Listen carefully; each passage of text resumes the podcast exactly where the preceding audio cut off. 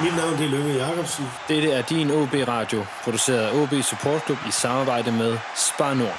Det er Rød Aalborg. Rød Aalborg. Rød Aalborg. Rød Aalborg. Du lytter lige nu til Rød Aalborg.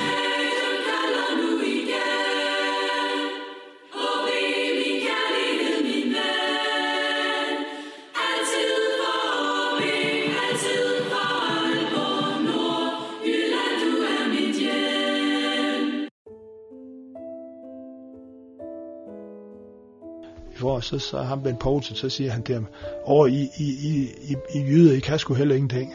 Så siger Jens, så kig op på tavlen.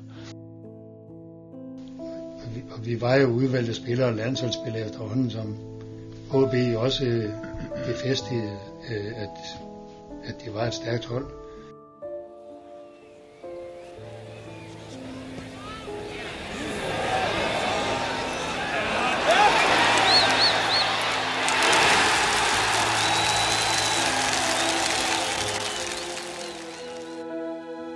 Jeg kan se bolden hele vejen. Og hætter den på tværs, hvor jeg har set Børge på vejen, da bolden var på vej.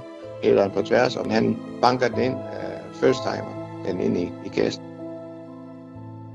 Så specielt var det jo spændende at komme over og mærke en atmosfære på en engelsk hjemmebane. Fordi det var jo uvandt for dem, at de var sådan set bagud, i og med, at vi har spillet uafgjort. Og vi kom foran.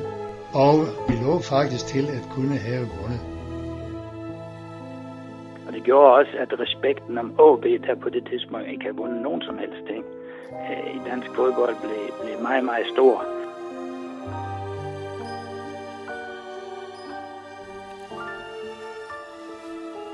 Velkommen til denne udgave af Rød Aalborg, en podcast om OB, produceret af OB Support Club i samarbejde med Spar Nord. Mit navn er Lasse Yde Hegnet. Og velkommen til den første af to udsendelser, som er ret specielle for os her i podcasten. Det er udsendelser, som har været længe undervejs, og det er udsendelser, som går længere tilbage, end de fleste af os, der lytter og følger OB i dag, kan huske. Det er udsendelser, der fortæller om en mytisk tid.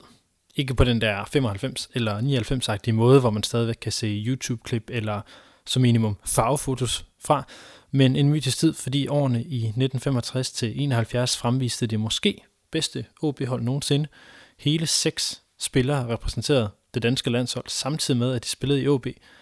Blandt dem de første OB'er nogensinde, der tog til udlandet og blev professionelle. Mytisk tid, også fordi det rummer OB's første to landsdækkende titler på seniorplan, nemlig pokaltitlerne i 1966 og i 1970, men også klubbens første landsdækkende titler på ungdomsniveau.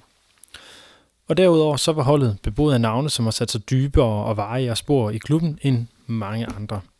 Navne som Henning Munk Jensen, der til dato er den OB spiller med flest landskampe, nemlig 62. Jesper Grønkær, han endte godt nok på 80, men ingen, mens han var OB'er. Munken spillede 52 af sine 62 kampe som OB-spiller. Han var den første OB'er til at blive professionel, og han spillede 392 førsteholdskampe for klubben. Et andet navn er Kjeld Torst, kåret til århundredets OB'er for det 20. århundrede, og til dato klubbens all-time topscorer med 88 mål i 265 kampe. Det er navne som Børge Bak, der senere blev direktør i klubben, og som blandt andet var med til at redde den fra konkurs i 1993, så var direktør under mesterskaberne i 95 og 99. Han er nummer 3 på all-time topscorelisten med 77 mål i 348 kampe, og i øvrigt manden, der afgjorde pokalfinalen i 1970. Navn som Ove Flint Bjerg, der er den OB-spiller med flest udlandske titler som professionel og længst tid mellem debut og afskedskamp, nemlig 20 år mellem 1967 og 1987. Del nummer 4 på all-time topscorelisten sammen med Peter Møller, 74 mål i 312 kampe. Derudover så er der også andre navne, der lige er hurtige at nævne, blandt andet nummer 2 på all-time topscorelisten John Holm Jensen, 81 mål i 352 kampe, spillede også på holdet i denne tid. Og så var det også i de her år, at en ung, slow midtbanespiller ved navn Lønge Jacobsen sin debut. Det var en masse facts og tal, som egentlig ikke gør sig særlig godt på lyd, men som er vigtige at nævne for at få fortalt, hvor vigtige spillere, der egentlig er tale om, der er i det IOB i den her tid. Og denne første del af udsendelserne fortæller om årene op til den første pokaltitel i 1966, om debuten i Europakoppen og om den titel, man skulle have vundet i 1967. Men den fortæller også meget mere end bare titler. Den fortæller nemlig om kultur og om, hvad OB var som klub, og hvad Aalborg var for en by tilbage i 60'erne. Og til at hjælpe mig med at fortælle den historie, der har jeg en stak avisudklip og nogle af dem, der var med dengang. Og vi skal høre fra Henning Munk Jensen, Ove Flindbjerg, den unge reservemålmand for dengang, Carsten Simonsen, og angriberen Finn Jønsson. Så sæt blomster i håret, når vi nu tager tilbage til 1960'erne.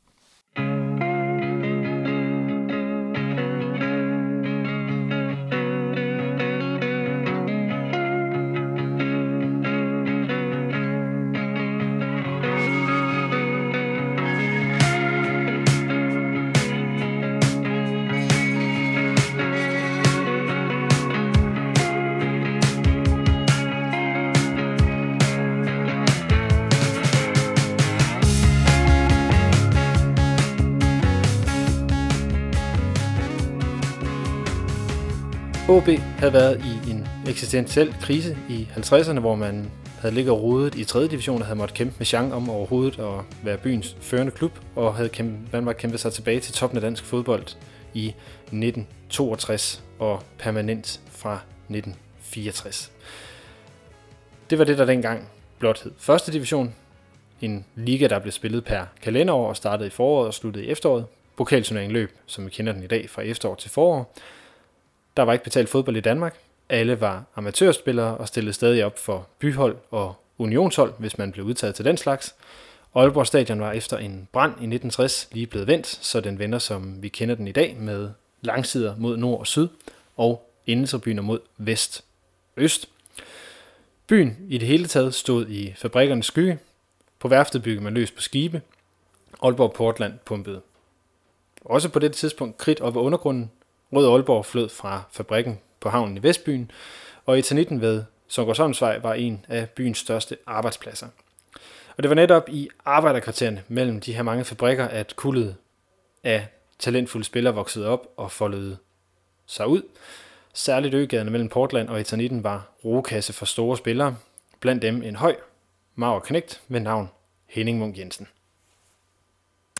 Fra Øgaden, så pudsigt nok, var der altså så mange, øh, skal vi sige, unge mennesker, drenge, øh, aktive sportsfolk, og vi havde jo ikke andet at give os det, end at løbe og spille med hinanden.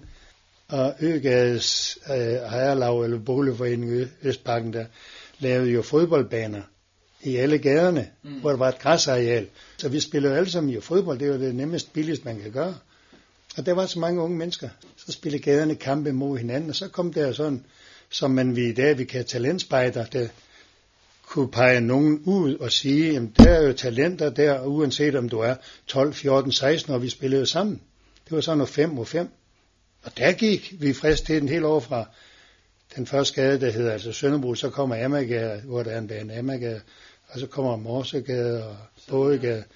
Så hver gade havde en bane, og hver bane samledes i 12. Det behøver ikke lige præcis at være fra samme gade. Men så kammeratskabskreds og fra samme klasse og fra samme skole. Dengang var der Sønderbo skole, og så kom vi over lægeskolen, og der var oppe i Vejgård. Og, så vi kendte alle sammen hinanden. Ham der fra Himmelandsgade, der var Lønge Jacobsen, og ham der hedder Jimmy Nielsen, som jo begge har spillet øh, og været markante OB-spillere. Og vi vidste, at han er delen god, ham der han er god, og vi skal se, om vi kan få ham med på vores hold til næste gadekamp osv. Og, og vi fulgte sjovt. Vi kan så nævne flere af vores spillere, Lønge Jacobsen, han er fra det kvarter, Jimmy Nielsen er fra det kvarter, Henning Fogh Larsen er derfra, Claus Johansen, nu nævner jeg dem, der var på vores talentturneringshold.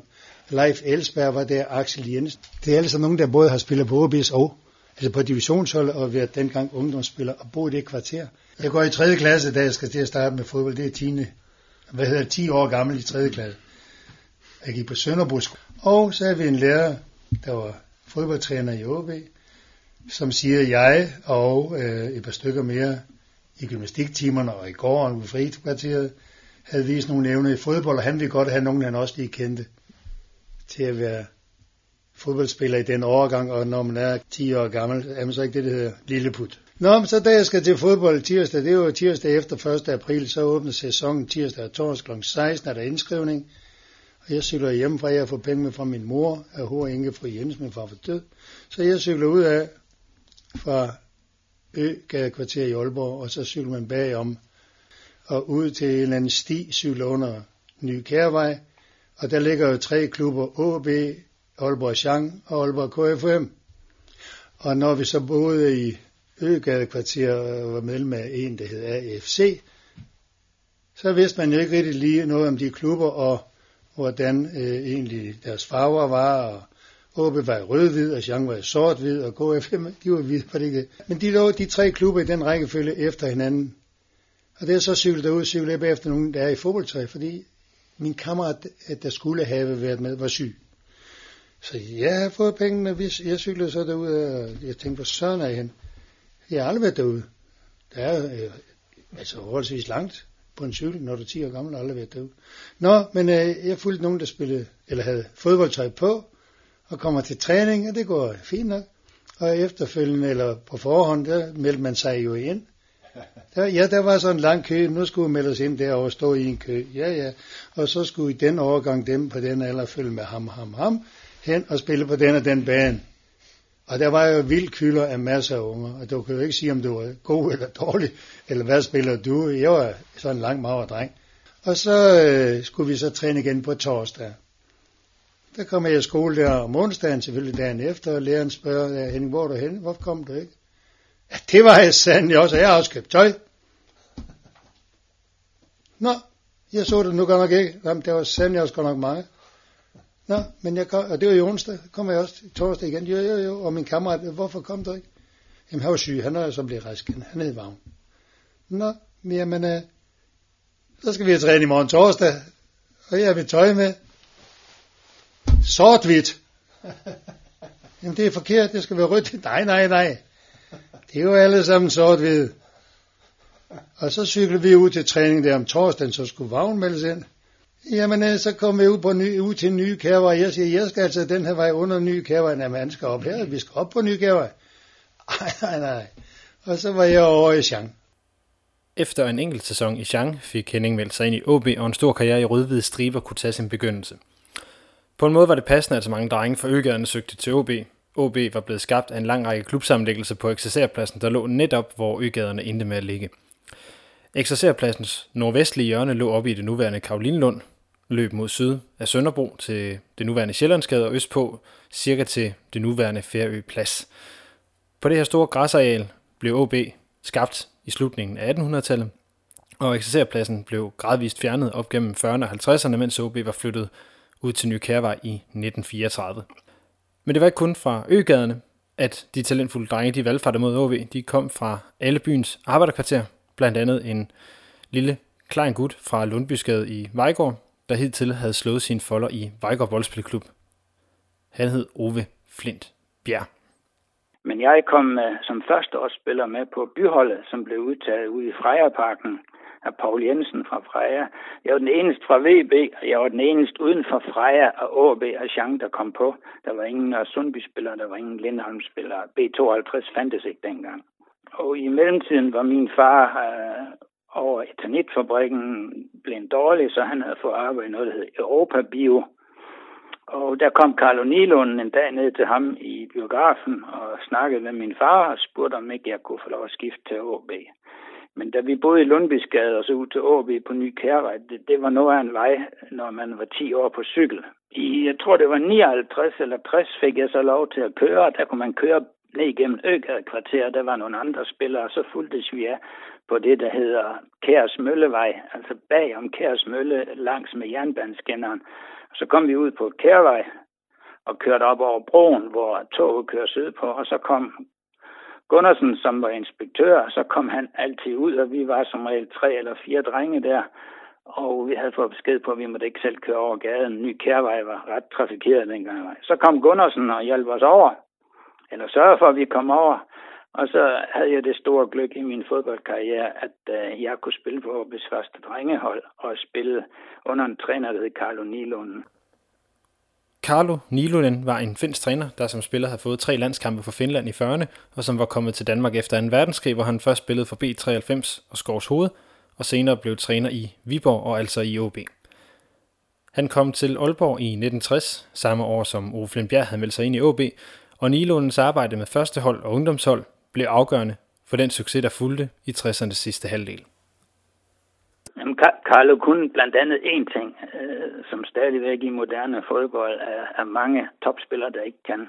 Carlo han lærte os at løbe og drible og sparke til bolden uden at kigge ned på den. Det gjorde han for eksempel på den måde, at han stod op på midten af banen, og vi startede ned på baglinjen, og så med arm og ben vidste han, hvad vej vi skulle drible, og vi var nødt til at kigge på ham, men så kunne vi ikke finde ud af, hvad vej vi skulle. Så det var ganske simpelt. Og jeg kan sige dig i dag, når jeg er hjemme i Gladbach, som jeg tit er, fordi øh, jeg har boet i udlandet i 39 år nu sammen med Lisbeth, at øh, selv når jeg spørger træneren og nogle af spillerne om at prøve at lave de øvelser, så er det en øvelse, der får smil på læben. Men det er noget af det vigtigste, at, at du kan føre bolden uden at kigge ned på den. At du kan sparke, at du har kigget før, hvordan du skal sparke, og så er det i stand til at udføre sparket uden at kigge ned på bolden. En, en anden ting, han lærte os, det var, at med højre ben på midten af banen træk over mod venstre, og så med venstre ben spark et langt skift over i højre side bag ved bakken til vores egne vinger. Og en væsentlig faktor, der kom, løb uden bold. Vær i stand til, at dem, der har bolden hos dig, dem hjælper du med at komme af med en på en positiv måde. Du skal gøre det nemt for dem. Cheftræner i 60'erne havde en del større opgave om blot at træne divisionshold. For uden dem havde Nilunen nemlig drengeholdet og ynglingeholdet, og på den måde så kunne han indprinte sine idéer i hele klubben og sætte et markant aftryk på den form for fodbold, som man lærte at spille. Nilunen var indtil videre træner frem til 1967, og han skulle også få lov til at høste frugterne af det store arbejde, han lagde i klubben. Men en af de hjørnesten, som han fik brug for, kom næsten af sig selv i 1961. Kjeld Tors kom til klubben, da hans studiekammerat på seminariet i Ranum, Heini Hall, lukkede ham med til Aalborg for fodboldens skyld. Torst startede på andet holdet, men var så god, at han allerede 30. april 1961 fik debut på førsteholdet. Det skete på hjemmebane mod Odense KFM, som blev besejret 4-3. Allerede her stemplede Kjeld Torst ind ved at score tre af målene. Han fik landsholdsdebut allerede i 1963, som var det samme år OB kom tilbage til første division, en division, der var domineret af Esbjerg med en østriger ved navn Rudi Stricic på trænerbænken. Fiskerne vandt mesterskaber på stribe i starten af 60'erne, og inden da havde AGF støvsuget 50'erne for mesterskaber. Derudover var ligaen fyldt op med B1900 årstalsklubber som B1901, B1903 fra Gentofte, og B1909 og B1913 fra Odense, der på samme måde fyldte, som FC Landstilsklubberne i dag fylder de øverste danske rækker. Derudover var der selvfølgelig stadigvæk klubber som KB og Vejle, der også snuppede medaljer og lejlighedsvise mesterskaber. Så OB var ikke ligefrem selvskrevet som medlem af første division. I 1963 var det faktisk 16 år siden, man sidst havde været en del af det fine selskab, og man klarede sig sådan set heller ikke særlig godt i 1963 og rykkede ned. Men det var kun for et enkelt år. Og så skulle det begynde at blive sjovt, som de unge talenter fra arbejderkvartererne en efter en brød igennem til divisionsholdet. Alle var de formet af det intime miljø, som klubhuset på Nykærevej havde skabt. Det skal vi høre lidt om her, fortalt af den offensive midtbanespiller Finn Jønsson, der debuterede på divisionsholdet som 19-årig i 1962, og han bliver suppleret af Henning Munk og Ove Flintbjerg. Dengang, øh, der var jo sauna, og der var bordtennis, og, og vi spillede kort, og så var der den, den øh, meget omtalte pølsegryde, der stod ude ved inspektør Gundersen, og hvor der altid var kogte pølser, røde pølser på, på menuen. Så der sad vi tit omkring og hyggesnakkede vi, vi drenge. Og det var Gundersen, der samlede os dengang, han var inspektør på anlægget. Så det var, det var, det var, ja, det var alle, alle og alle hold. Det var helt fra det øverste til, til fem, eller hvad det nu hed dengang også. Og alle sammen var vi klumpet ind i hele sceneafdelingen i samme omklædningsrum. Jeg tror, der var, hvis vi siger, to store rum, ligesom delt op i fire. Der var en midter, hvor en midter, øh, skal vi sige, skille bænk, hvor du kunne hænge dit tøj. Og ellers så var der fælles bruser til to store rum, og der var ligesom en side der, en side der, så med en fælles midte, hvor dit tøj kunne hænge, og dit tøj kunne stå. Så vi havde jo ikke fast pladser eller noget med, der var tøj til dig, og førsteholder var dem og dem og dem. Nej, nej, nej. Vi var kammerater og havde så fint nogle år der, hvis vi siger indtil 70. Og der var ikke forskel på, om altså, du var på første hold, eller om, for vi sad ved siden af hinanden, og det er ikke noget med, det er min plads. Og... Nej, nej, absolut ikke. Saunaen var varmet op med, med træ.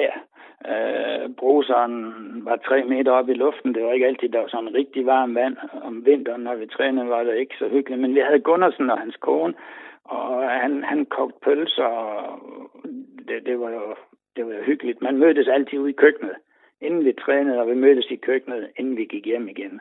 Det, det var en egen atmosfære. Der var overhovedet ingen luksus på nogen som helst måde. Der var betongulv, der lå sådan nogle træpaneler, så man ikke skulle gå på betongulv, når man kom ud ind for bruseren. Da vi, da vi, når vi kom ud til træning, så spiller vi, vi bordtennis. Og, øh, men en af de ting, øh, som var sjoveste her så mange år efter, det var, at no, nogle af de ting, vi brugte meget tid på, det var at gå hen og finde den her, det hedder en list, men det er sådan en armbold, hvor vores støvler, de så skulle sættes op på. Og så blev sømmene banket ud af, af støvlerne, fordi dengang var propperen jo sat på med søm. Så det, det var, det var øh, en, en god tradition at få fordi det var hårdt om sommeren, når man løb der, så de der søm, de stak op i fødderne, når, man, når, når banderne var hårdere. Så det var en af de ting, vi altid gjorde før, før træningen.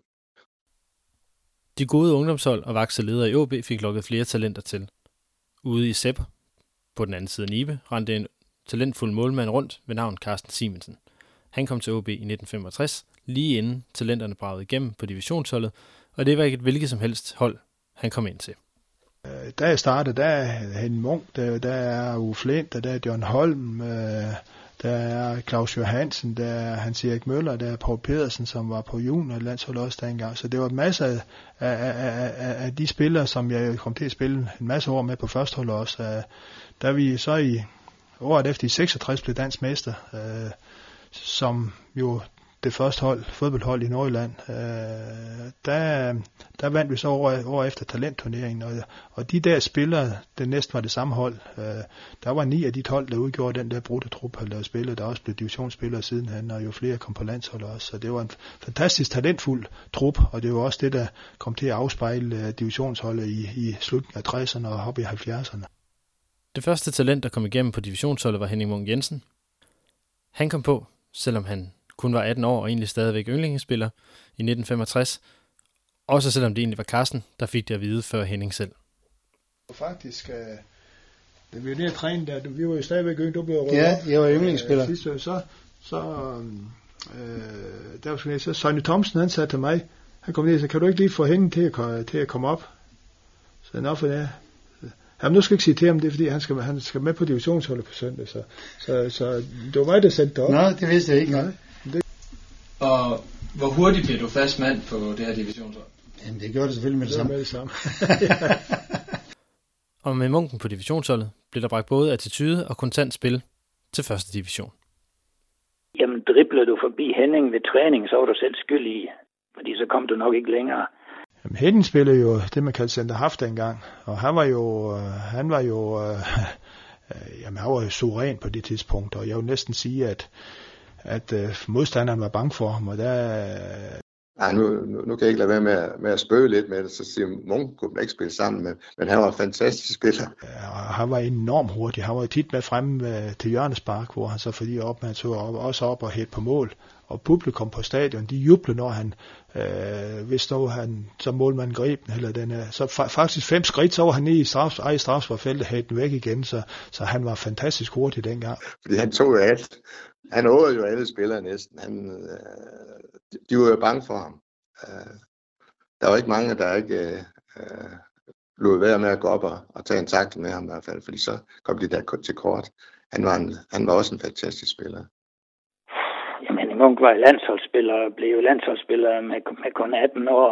Henning, Henning var jo ikke den store tekniske fodboldspiller. Han bliver selvfølgelig nok sur, når han hører det her, men sådan her. Henning kunne jo ikke ramme en elefant i rumpen med en stejpand. Han var fysisk enormt stærk, han, han, han var brølende stærk, var stærk i hovedstød, og øh, det, det, det var derved, han fortjent på den tids fodboldkvalitet, fik så mange landskampe også.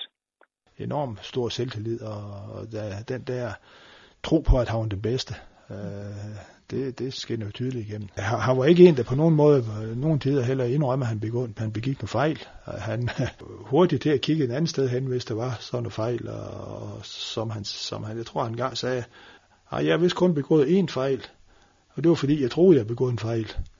Så han er sådan lidt, lidt humoristisk sandt også på den måde. Således blev sæsonen 1966 indledt. Henning Munk havde forladt yndlingeholdet, der stadig var uhyggeligt stærkt. Faktisk så stærkt, at man kunne have tvivl om, hvilket der var klubbens bedste hold. Under forårstræningen ude på Ny Kærvej, der, der, der kommer Carlos lige i tanke om, og vi laver OB kunne ikke finde divisionshold af nogle modstandere, så ikke på grusbanen, men den før grus, den var let dækket med sne. Og så siger Carlo, prøv at høre her, vi tager Søren Rasmussen med på jeres hold, og så finder vi en mere, så spiller I med første hold. og vi slog dem 3-1. Vi spillede dem baglands ud af banen. Det var Leif Skov og Heine Hall, og Kjeld Torst var selvfølgelig også med der. Det var Kjeld Kreersen, det var Jørgen Christensen, øh, det var Jens Flov og, og så videre. Men vi spillede dem ud af banen. Det endte med, at øh, jeg tror, det var 10, 12 eller 14 minutter før tid, der fløjtede Carlo kampen af. Fordi der, der, der blev de så hissige, at, at øh, han turde ikke at spille videre. Han turde ikke, at vi skulle spille videre med dem. Og vi forsvandt jo lynhurtigt op i omklædningsrummet ind i bruseren og så ud af vagten, fordi vi skulle ikke have noget snak med dem. Leif Skov var med os. Preben Larsen. Det var en fantastisk kamp. Ynglingeholdet var enormt stærkt, som sagt fyldt med spillere, der skulle komme til at betyde meget for OB. Ynglingeholdet blev nemlig danske mestre og sikrede dermed klubben sit første landstækkende mesterskab overhovedet. Og det skete altså kun 81 år efter OB's grundlæggelse. Det, var jo et unikt hold, hvor vi, vi tabte hele turneringen en kamp, tror jeg, eller to. Og det, jeg tog, og det var til AGF begge to, og de blev nummer to. Og vi blev jysk mester, og kom så til at spille mod Svendborg 5-1 mod AB 2-0. Her scorede jeg også mål, og mod frem i finalen. Og der vandt vi 1-0, og det var selvfølgelig mig, der scorede målet med et kludespark. Men et kludespark til 1-0, det betyder også, at man bliver mester. Men en væsentlig ting, det var, at, at vi var skolet af Carlo. Vi var ikke skolet taktisk. Det var ikke sådan, vi, vi udøvede en eller anden taktik. Men vi var skolet i at spille fodbold med glæde. Flyt bolden, løb for hinanden, vær til for hinanden. Ikke være bange for en, der havde en dårlig dag. Frisk ham op med, med gode øh, tekster og, og slå på ryggen, klap på kinden. Derover med, hvis en laver en fejl. Vi havde et fantastisk hold, som også sommeren efter i 67 vandt den der talentturnering, hvor vi havde flere tilskuere end OB's første hold havde på det tidspunkt. Men det var ikke kun på ungdomssiden, at klubben rev landstækkende guld til sig.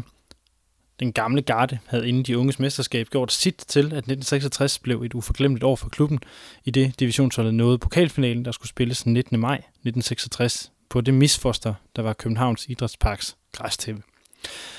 Og det skulle endda være en kamp uden Henny Munk, der var blevet skadet. Man slår AB ud, som jeg husker, og også øh, Esbjerg B47. Uh, Alfred Nielsen, som også var en ung spiller, der førte desværre døde sidste år, han, uh, han var venstre ving. Han scorede sejrsmål uh, i den semifinale der.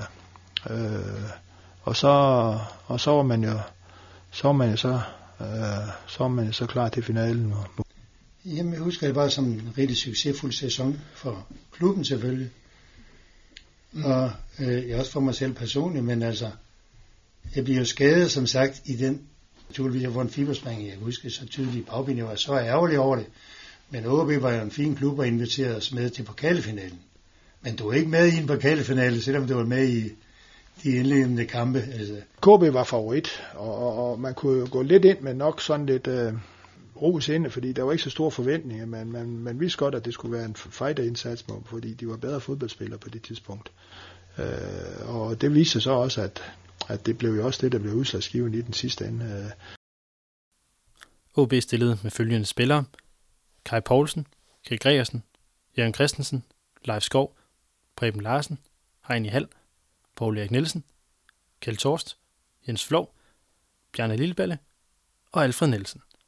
Og i bedste far til fire stil blev optakten til kampen indledt med et orkester og en debuterende kvindelig tamburmajor, der blandt andet spillede Jyden Han er stærk og sej, inden kampen kunne gå i gang.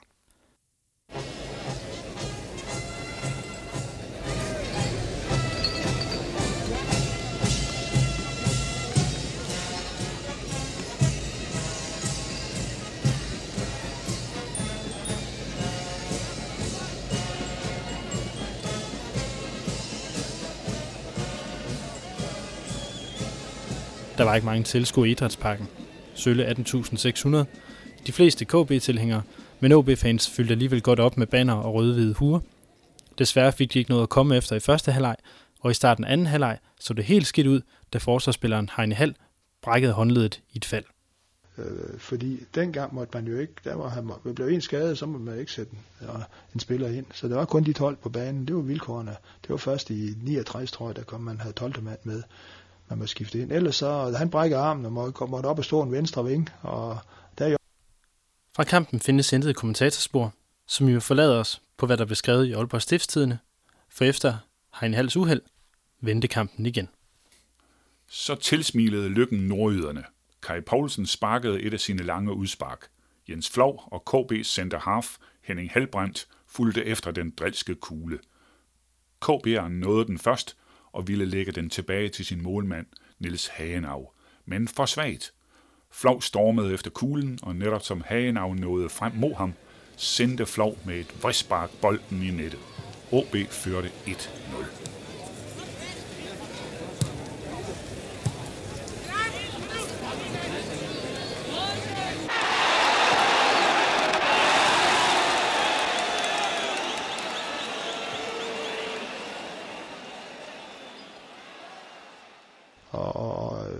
Hvis Jens Flov, så var han jo sådan en type, der, der, der nok ikke en stor tekniker, men han var fantastisk øh, afslutter, når han fik bolden og så videre. Så var han sådan en, en lidt, øh, han havde sådan en lidt humoristisk måde at sige tingene på. Der, der prøvede de at presse det sidste gruppe. Der stod Jens alene op foran, for så, så ham Ben Poulsen, så siger han til ham, åh, I, I, I, I, I jyder, I kan sgu heller ingenting. Så siger Jens, så kig op på tavlen. Men KB'erne kæmpede sig tilbage, og med et OB-hold handicappet af, at Heine Hall stod på venstre vinge med håndledet bundet ind, var KB toneangivende. Mange dueller i OB's ende førte til et frispark, som KB's landsholdsspiller Niels Møller scorede på, da skuddet ramte OB's Preben Larsen i hovedet og blev rettet af. Pokalfinalen gik i omkamp. I det 31. minut af omkampen faldt målet, der bragte OB på 2-1. Paul Erik Nielsen afleverede fra højre. Bolden gik højt ind mod KB-målet, hvor bakken Tony Jørgensen og målmanden Niels Hagenau ramlede sammen i bestræbelserne på at klare situationen. Heini Hall stod bag dem. Bolden ramte ham og faldt ned bag ham. Han fik sig hurtigt vendt, og skønt vinkelen var ret spids, og der stod tre KB'ere placeret helt inde ved mål, fik han med et indersidespark sendt bolden i nettet. Jo, omkampen var så afgjort OB's.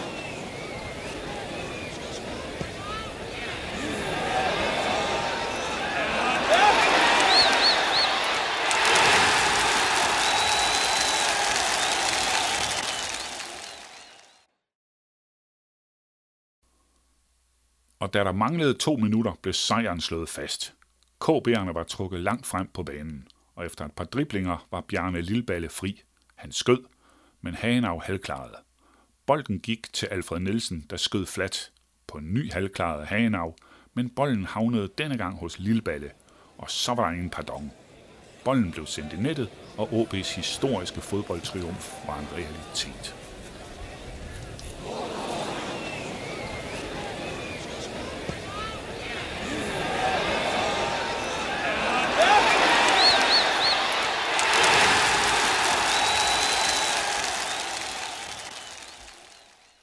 Kampens afslutning blev kaotisk.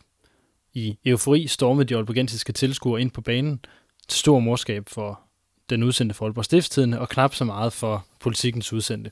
Politikens udsendte kaldte det ligefrem skandaløst og et udtryk for, at udenlandske fodboldoptøjer var kommet til Danmark, at OB-fansene de stormede banen. Kaoset betød dog, at øh, OB ikke kunne få pokalen overragt ned på græstæppet eller få en æresrunde. Derimod fik holdet overragt pokalen af DBU's formand, Wilhelm Skovsen, i et loungeområde. Og jeg beklager dybt, at det ikke kunne ske nede på banen. Det ville sikkert have været festligere for Aalborg at få pokalen over dernede. Og må jeg så have lov at takke begge hold for en livlig og en spændende pokalfinale. Vel nok mere livlig og spændende end egentlig velspillet. Og jeg tror stort set, at den fik det rigtige udfald. med Aalborg sejr i dag. Aalborg var sikkert den streg bedre end KB, og det vil KB'erne sikkert give mig ret i. Jeg vil gerne have lov til at lykkeønske Aalborg til den første pokalfinale og til den første pokalsejr. Hjerteligt tillykke med den, og må jeg bede anføreren Leif Skov komme op og få pokalen. Tillykke med den, Leif Skov. Og jeg håber ikke, det kan være flere år, inden vi kører igen i pokalfinalen. Og skal vi give Aalborg Boldspilklub et trefoldigt leve. Tillykke med pokalsejren. De leve! Hurra! Hurra! Hurra! Ikke nok med, at OB anfører Leif Skov fik overragt pokalen. Han blev også udnævnt til årets pokalfighter, og med pokaler med i flyveren var der fejring, da klubben kom tilbage til Aalborg. Det var strålende at se holde vinde den kamp, og efterfølgende opbakningen i hele byen. Jeg kan huske, da vi kommer til Aalborg Lufthavn, hele lufthavnsvejen derovre, der er helt fyldt af biler, og vi har spillet en eftermiddagskamp, og så har det været øh, sådan noget øh, reception efter kampen, og vi blev udråbt som øh, vinder. Og så skulle med en flyver hurtigt hjem, og så var der middag på Hotel Hafnia. Borgmesteren var med til finalen. Det var første gang i Åbis historie. Og kæmpe stort, at vi har slået KB, der var kæmpe favorit efter omkamp. Har en i halv score mål med en brække arm, Leif Skov bliver pokalvinderen. Sejren i pokalturneringen og yndlingemesterskabet fik stor betydning, både internt og eksternt. Jamen altså, det er jo i forår 66, hvor, hvor også yndlingsspillere, der var, der var vi jo yndlinger og var lige gået i gang med turneringen der i april måned, hvor det her det sker i maj måned. Altså, det, det, det var selvfølgelig noget, vi så op til, og det var et godt forbillede for os. Og det gjorde også, at respekten om AB, der på det tidspunkt ikke havde vundet nogen som helst ting, øh, i dansk fodbold blev, blev meget, meget stor. Og lige pludselig så, så begyndte tingene at vende temmelig sikkert. Jamen, det var stort dengang, fordi det var, det var jo det var sådan den første officielle titel, man får af dem, altså mesterskab og så pokaltitler, det er jo, det er jo sådan set dem, man går efter, og det, det, var, det var rigtig stort. 66 var, var en skilsættende sæson for, for OB, for det var også der, man begyndte sådan at, at regne klubben for, for, for topklubberne i Danmark, og dem man skulle også øh, have forventning til fremover.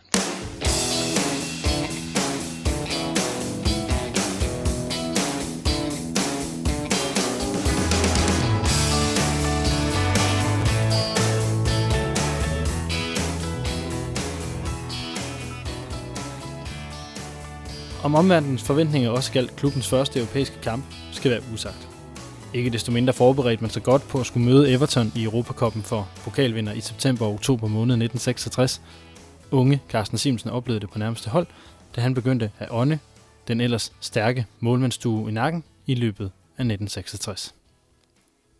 Vi, vi, var, vi var en øh, fantastisk stærk øh, øh målmandsbesætning på det tidspunkt. Kai, Kai Poulsen og Kurt Vente var, var målmændene, da jeg kom som yngling, og jeg, jeg havde så den fornøjelse allerede som i 66 var med som reservemålmand på den tur, jeg havde til England og var over se VM-finalen i 66 der. Det var, det var så fordi Kurt Vente, han meldte afbud, så rykkede de mig op, som, som og fik, fik mulighed for at spille også min første kamp, træningskamp på det tidspunkt. Så jeg var sådan set i en tidlig fase lidt ind omkring øh, holdet, og de havde så også sagt, da jeg kom op, at de ville satse på mig på sigt.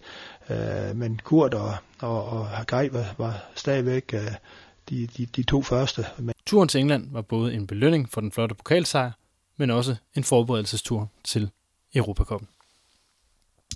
Og alle, der var omkring holdet der til pokalfinalen, hvor så også Carsten og mig var omkring, og kom så på for første gang en belønningstur til England om sommeren i 66, hvor jo England bliver verdensmestre. Over i England. Ja, vi var inde på Wembley med 100.000 tilskuere. Vi var til kampen. Det var en oplevelse. Vi havde en kæmpe oplevelse. Vi så der, altså England slog Tyskland, og fantastisk dem i London. Vi havde en utrolig dejlig periode. Først i London, hvor vi ligesom fik en belønnings 3-4-5 dage til at være turister og se, eller London så byens fine ting og seværdigheder. Og så var vi i Skotland og sluttede af med kampe også i Skotland, Newcastle. Helge Havstad, han sagde, holdlederen, han sagde dengang, vi har været i, sådan lidt lidt afslappende dag i, i London, så sagde han, nu vi på sjov i London, nu skal vi ikke være til grin i Skotland. Der tog vi hjem og var ude sejr fra, fra. Det var op i Motherwell op i, op i Skotland. Skotsk fodbold havde lidt højere status dengang end i dag, mm. og så var det Falkirk, og så var det Newcastle. Øh, det var de tre, øh, tre modstandere. Det gav sådan for, øh, fornyet selvtillid til, man skulle hjem.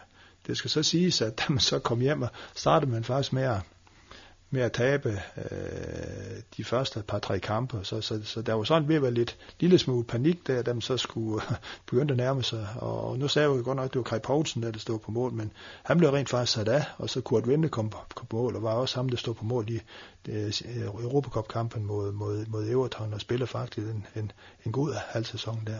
Jo, for det første, hvis vi vender tilbage til øh, Englands VM-finale, vi så jo den kamp selvfølgelig sammen, og kunne så snakke om de spillere, vi har set. En, der var de aller, den allerbedste spiller i hele VM, det var Alan Ball, som vist spillede for Blackburn, Blackpool eller et eller andet. Eller i hvert fald ikke for Everton, det gør han først efter sammenfærd. Han blev solgt, ja. Til, ja, til, ja. Og de havde en anden spiller, hvad han så? Det var Ray Wilson, der var bak.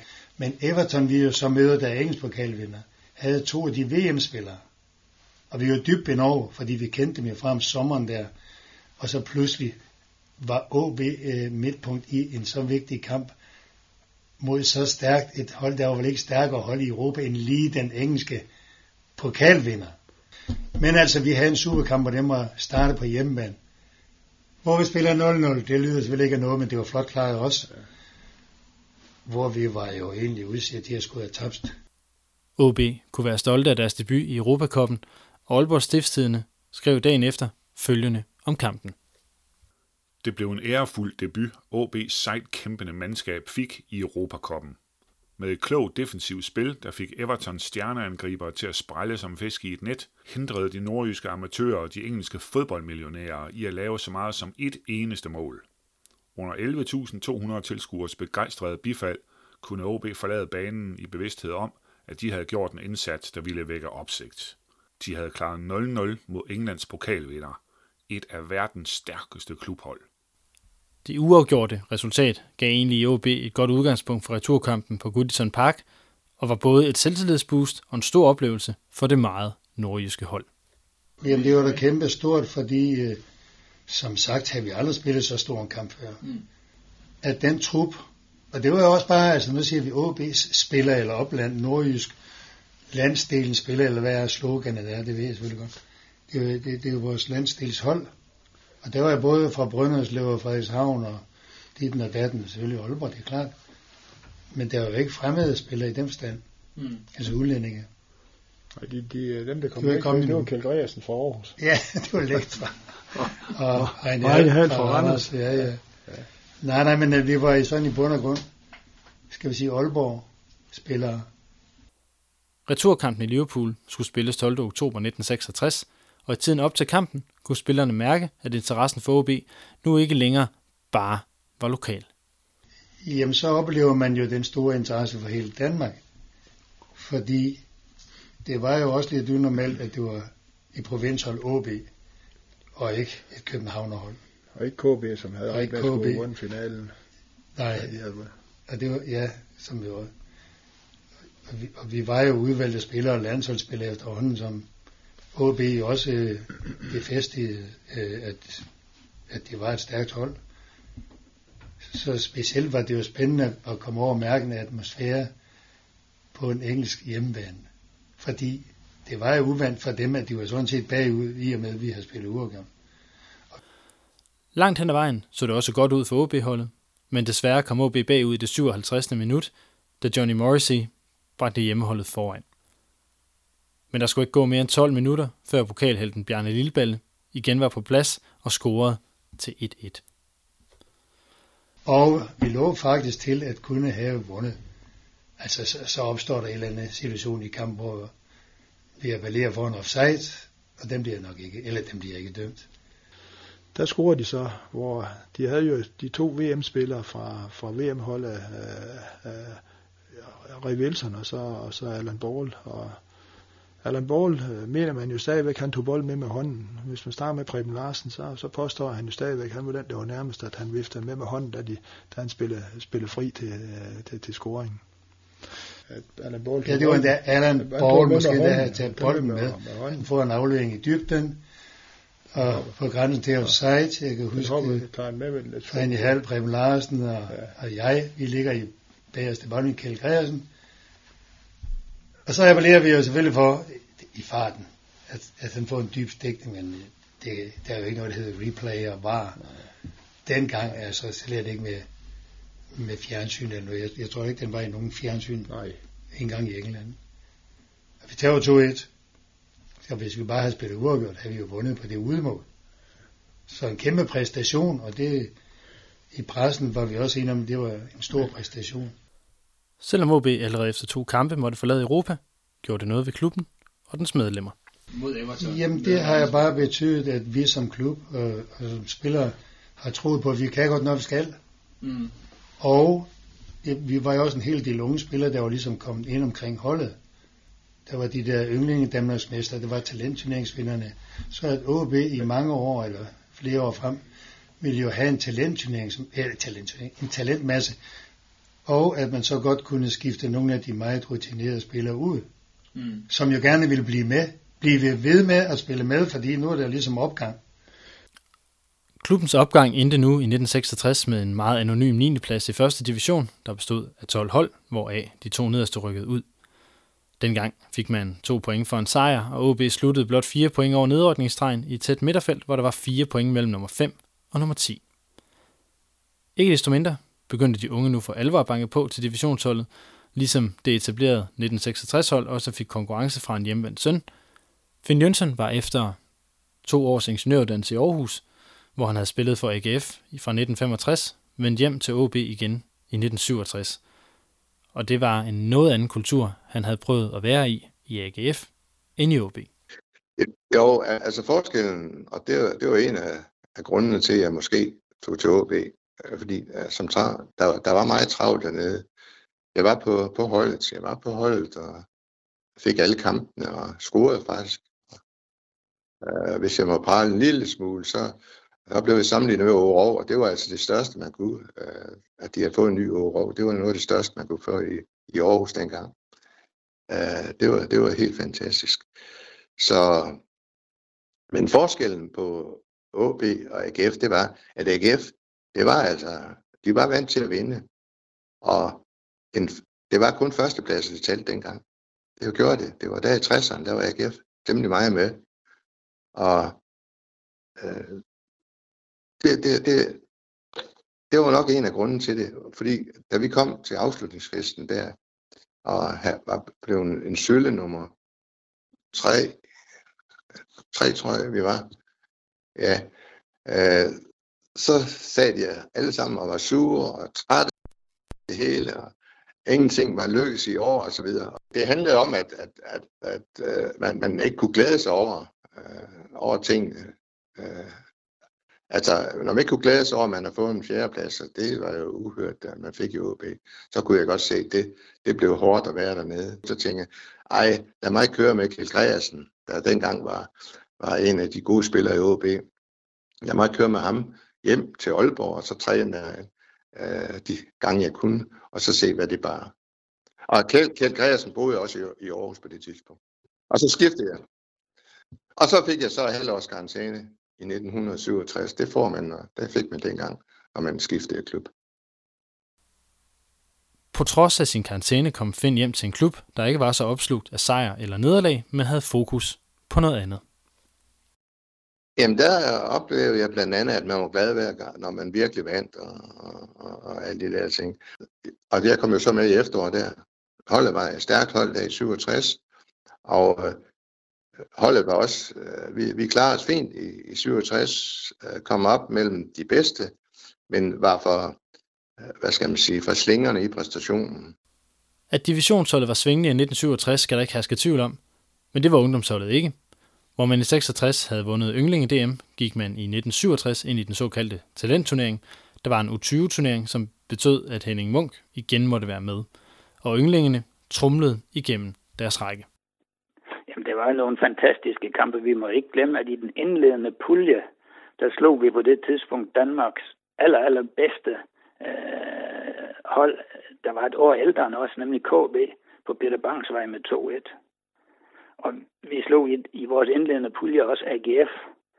Så at, at vi spillede også mod Tisted, og han 7-1. Vi spillede mod noget, der hedder Rovsø Alliancen, ude på Aalborg Stadion. Søren Rasmussen, enten var det syv eller ni mål, han lavede. Vi vandt 11-1, og det mål, de fik lov at lave, det, det tror jeg nok, vi ligesom synes, de skulle have lov til.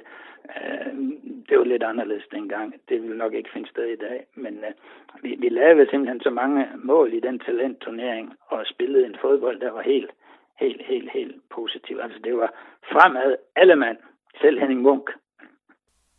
For divisionsholdet blev årets svingende præstationer manifesteret i en enkelt kamp, pokalfinalen. Igen havde OB spillet sig frem til finalen i Idrætsparken, denne gang med Randers Freja fra 2. divisions subtop som modstander. Det var i København, neutral bane, altså OB mod Randers Freja. Så vi tænkte på, hvordan den vinder vi jo nok. Ja. Men vi tabte 1-0. Ja. Og det er mig, der bliver snydt. Også igen selvfølgelig, vi kendte jo alle sammen dengang hinanden. En fra Randers Freja, Erik Sørensen, der bare hopper over den og løber en runde, og den går igennem hans altså med vilje igennem hans ben. Og så selvfølgelig desværre igen min Han scorede det ene mål. God finte, den der Erik Sørensen. Erik Sørensen, højre ving, 1-0 Randers Freja. Nederlaget kom som en overraskelse, og forklaringen på nederlaget skulle mere end på banen findes i spillernes hoveder. Og at det, at vi taber, tror jeg kan skyldes, at man mentalt, og det, det gjorde vi så, vi snakkede om, eller tænkte på, og det kan jeg stadigvæk huske, at aldrig nogensinde havde et hold uden for første division, der var øverste række, havde et hold fra anden division vundet, så vi møder Randers Freja, så allerede når man går ind, jamen vi, vi er jo favoritter. Da vi året før vinder, der er det KB, der er de jo favorit. Det var et stort hold dengang, KB naturligvis. Og vi var jo favoritter til også at kunne slå Anders Freja. Men øh, de var dengang, altså selvom de var anden division, havde de også flere spillere, i hvert fald to, der var på landsholdet. Og de var selvfølgelig også gode, altså det var resten af holdet også. Og de havde også ligesom OB's hold fået nogle unge, der kom op. Og Freja blev så også et godt hold i nogle år derefter. Hvor ja. vi kan sige, at vores trængte måske lige til en lille udskiftning af nogen. Udskiftningen i truppen var naturlig med det dygtige ynglingehold på vej frem, og det hold, der skulle bejle kraftigt til mesterskabet i 1969, begyndte at tage form. De unge begyndte at presse de rutinerede til alles bedste. Man kan sige lige de der, vi nævner om Kai Poulsen, Heini Hall, Preben Larsen, Leif Skov, Kjeld Torst. Der var blomstrede de jo. Og måske endda strammer de sig an. Og måske træner vi lige en gang, to gange mere, så at hvor de er på slutningen af, kan man sige, jamen så strammer de sig an, for de kunne godt lide at være med. Og vi havde et vældig fint sammenhold, og ikke mindst Leif Skov, Jørgen Christensen, de var rigtig meget fine til at opfange vi unge.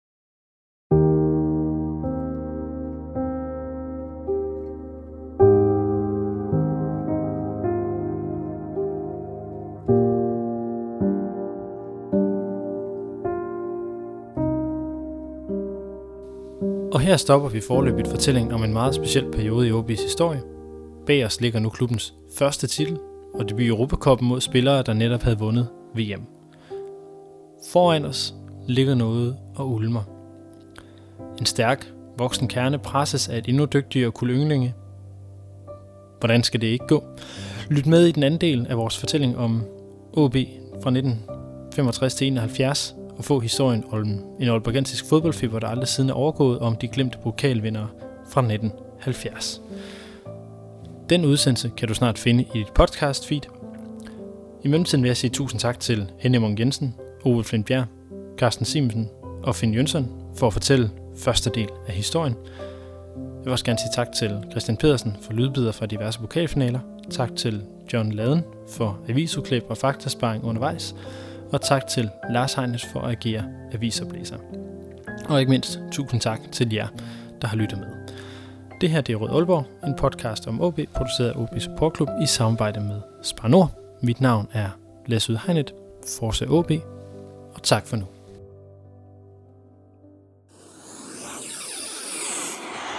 Du har lyttet til Rød Aalborg, din podcast om OB, produceret af OB Support Club i samarbejde med Spar Nord. Det er din fanradio, hvor du får aktuelle holdninger til spillet på banen. Vi alle, alle kan godt lide Rigsgaard, men, men øh, altså, hvis det var ens mælk i køleskabet, så var man også til at overveje, om det skulle skiftes ud, ikke?